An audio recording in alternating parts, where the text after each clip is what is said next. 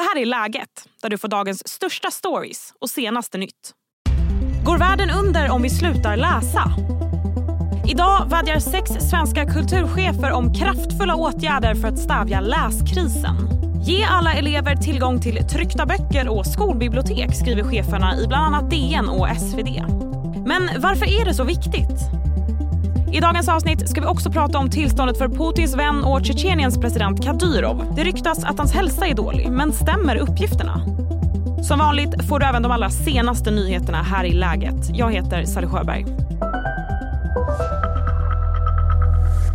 I poddstudion finns Expressens kulturchef Viktor Malm som är en av dem som, som står bakom uppropet. Hej Viktor! Hej! Ja, I uppropet skriver ni att lära sig läsa är att lära sig tänka. Ditt främsta argument för att vi ska läsa, vad är det? Nej, men vi har ju byggt upp ett modernt samhälle som helt och hållet vilar på att varenda medborgare är förmögen att ta till sig information. Och det bästa sättet att ta till sig information är genom läsning. Det är nästan varenda myndighetsdokument eh, är skrivet. Snart sagt varje skulle jag till och med säga. Informationen om världen får man ju sig generellt inte till livs genom fantastiska poddar som Läget utan genom tidningar, Eh, det är i böckerna vi kan fördjupa vår kunskap om världen så att vi blir välfungerande, runda medborgare som kan förhålla oss som individer till det som sker i världen runt om oss. Texten är det mest informationstäta meningssystemet som finns och de som utesluts från tillgång till det genom att aldrig bli tillräckligt duktiga läsare, de är förfördelade i samhället. De blir inte fullvärdiga medlemmar i demokratin. Men idag kan ju jag, och barn också för den delen, ta in en sån här lång, lång, lång text och i, i ett AI-program och säga beskriv det här på tre meningar. Det, det, det verktyget hade inte du och jag när vi växte upp. Det stämmer. Ja. Uh, och det är ju en, en fruktansvärd utveckling eftersom jag räknar med att en hel del människor kommer att använda verktyget för att göra just det. Men vad vi då vet är att en stor del av informationsinhämtningen, eller informationsförståelsen snarare, den sker under tiden du läser. För då förstår du inte bara informationen i texten utan du förstår också författarens avsikter, dess sätt att retoriskt formulera de här avsikterna. Och det här inpräntar sig i minnet på ett helt annat sätt. Det, jag tror aldrig man kan uppnå komplex förståelse genom att låta eh, ChatGPT sammanfatta en text till en. Du, kan nog, du kommer bli lite dummare om det, det är strategin du väljer.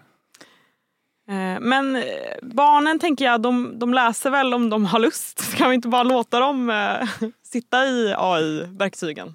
Ja, men det, det är fruktansvärt om, om läsning måste bli ett tvång som alla barn genomlider. Så var det inte för, för dig och mig antar jag eftersom vi hade så mycket lästing runt oss när vi växte upp. Det fanns serietidningar var ett väldigt naturligt inslag i vardagen. Också tryckta tidningar. Och... Allt eh, ge en bild av att, man, eh, att landet och det politiska systemet är stabilt. Eh, man vill inte oroa sin egen befolkning. Väldigt mycket av eh, signalerandet från Kreml går ut just på att inte oroa, inte sprida oro i samhället. Och man ska ju veta också att det här är ju ett, ett politiskt system där också allting händer, eh, eh, hänger på personen, på presidenten eh, Vladimir Putin, precis som det gör då i Tjetjenien på Ramzan Kadyrov. Och man har ett presidentval som kommer då i mars nästa år, så man vill framför allt inte rubba stabiliteten. Sen all den här ryktesspridningen och, och, och, den uppmärksamhet det får, det är ju liksom ett sy symptom på hela det politiska klimatet i Ryssland med, med ökad repression, med censur där man inte kan lita på nyhetsförmedlingen och det gör ju också att ryktesspridning då den, den blir ju nästan inflammatorisk i ett, i ett sådant samhälle. Eh, men jag vill inte föregripa det exakt utan vi jobbar nu vidare med de parametrar och de gränser som vi sätter för detta. Och där hörde vi arbetsmarknadsminister Johan Persson. Stavhoppsstjärnan Armand Duplantis har satt ännu ett världsrekord. Efter mängder med försök slog den svenska superstjärnan äntligen sitt eget rekord och hoppade 6,23. Nu Duplantis första försöket, världsrekordhöjd 6,23. Oh,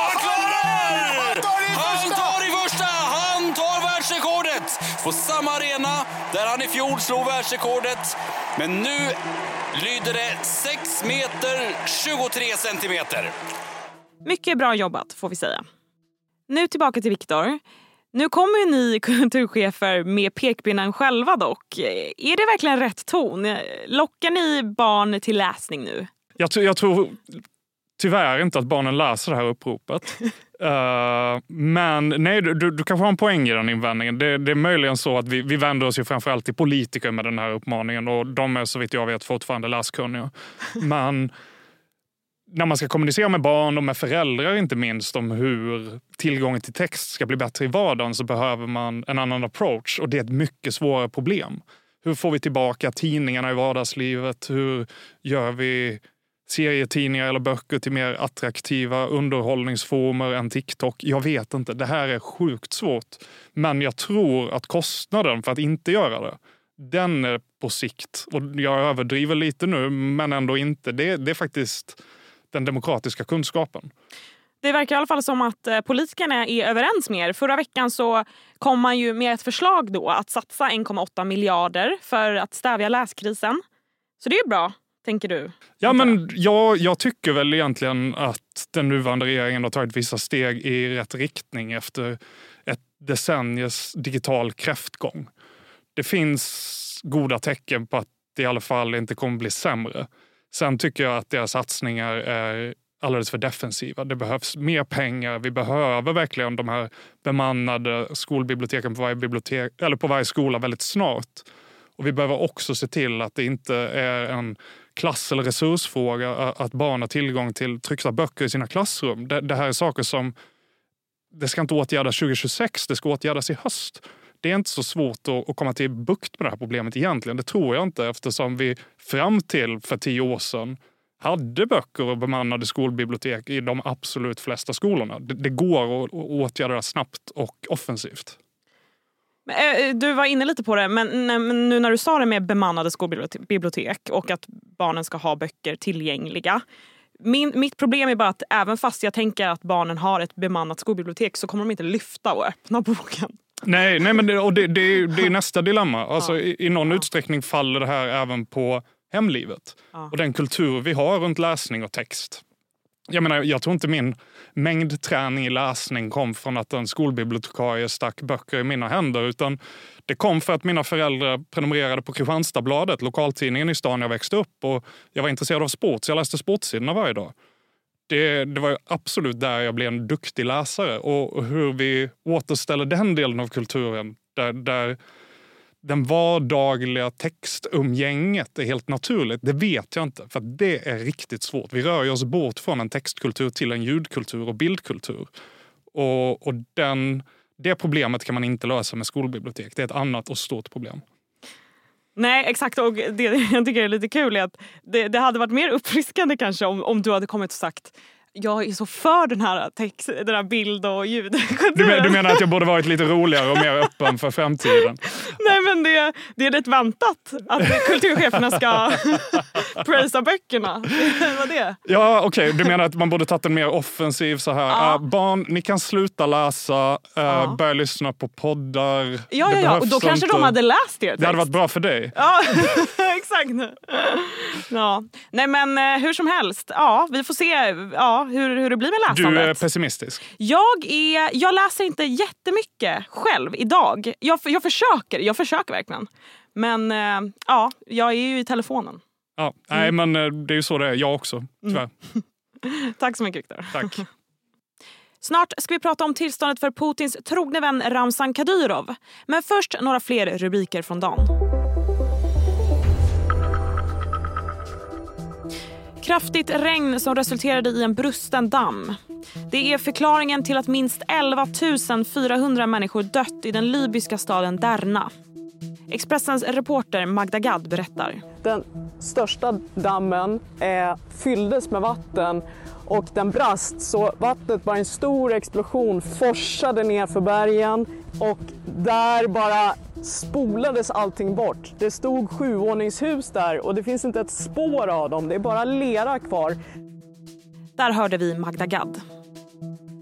Två unga kvinnor och en man har häktats efter skjutningen i Hageby i Norrköping i torsdags. Det skriver Norrköpings Tidningar. Samtliga är hemmahörande i Skåne och tidigare ostraffade. I den bostad som besköts bor mamman till en man som enligt turkiska medier gripits i Turkiet. Hej, Ulf Kristersson här. På många sätt är det en mörk tid vi lever i. Men nu tar vi ett stort steg för att göra Sverige till en tryggare och säkrare plats. Sverige är nu medlem i Nato. En för alla, alla för en. Har du också valt att bli egen? Då är det viktigt att skaffa en bra företagsförsäkring. Hos oss är alla småföretag stora och inga frågor för små. Swedeas företagsförsäkring är anpassad för mindre företag och täcker även sånt som din hemförsäkring inte täcker. Gå in på swedea.se företag och jämför själv.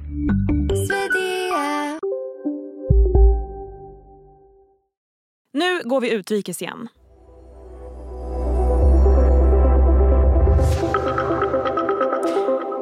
Tjetjeniens president Ramzan Kadyrov är allvarligt sjuk och ligger i koma. Det menar i alla fall den ukrainska underrättelsetjänsten. Men samtidigt sprids det klipp där Kadyrov ler inför kameran. Vad skulle Ukraina vinna på att sprida falska uppgifter?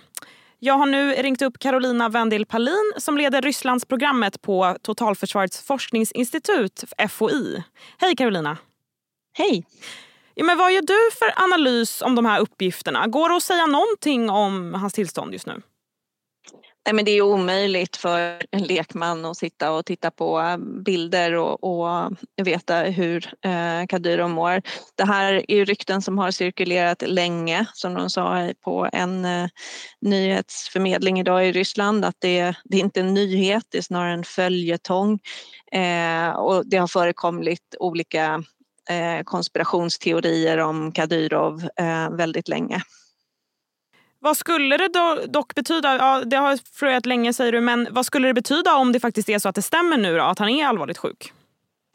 Ja men det skulle ju kunna leda till eh, att eh, situationen i Tjetjenien destabiliseras. Eh, man kan inte utesluta att det skulle bli en maktkamp i Tjetjenien.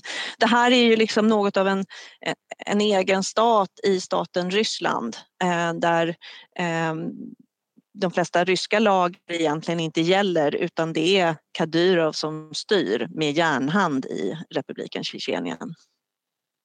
Och som jag sa, det är den ukrainska underrättelsetjänsten som ligger bakom de här uppgifterna. V vad skulle de vinna på att sprida sån här information, eh, sån här falsk information om det nu är så? Ja, men allting som eh, destabiliserar Ryssland inrikespolitiskt är ju goda nyheter för Ukraina. Ehm, så att, att de plockar upp ett sånt här rykte, eh, det är inte så förvånande. När jag tittade också nu på nyhetsflödet igår från Ryssland så det var lite nyhetstorka kan man säga ehm, relativ nyhetstorka. Så det kanske var därför också som det här fick mer spridning än det har fått andra gånger. Och om det nu är så att han är sjuk och ligger i koma då, Ja, men Ryssland vill ju framförallt eh, ge en bild av att, man, eh, att landet och det politiska systemet är stabilt. Eh, man vill inte oroa sin egen befolkning. Väldigt mycket av eh, signalerandet från Kreml går ut just på att inte oroa, inte sprida oro i samhället. Eh, och man ska ju veta också att det här är ju ett, ett politiskt system där också allting händer, eh, eh, hänger på personen, på presidenten eh, Vladimir Putin, precis som det gör då i Tjetjenien på Ramzan Kadyrov. Och man har ett presidentval som kommer då i mars nästa år, så man vill framför allt inte rubba stabiliteten. Sen all den här ryktesspridningen och, och, och, den uppmärksamhet det får, det är ju liksom ett sy symptom på hela det politiska klimatet i Ryssland med, med ökad repression, med censur där man inte kan lita på nyhetsförmedlingen och det gör ju också att ryktesspridning då den, den blir ju nästan inflammatorisk i ett, i ett sådant samhälle. Vi får eventuellt veta vad som händer med Kadyrov. Tack så mycket Carolina. Tack så mycket.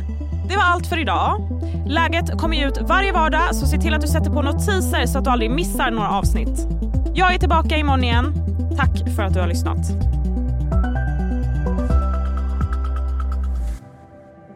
Du har lyssnat på en podcast från Expressen.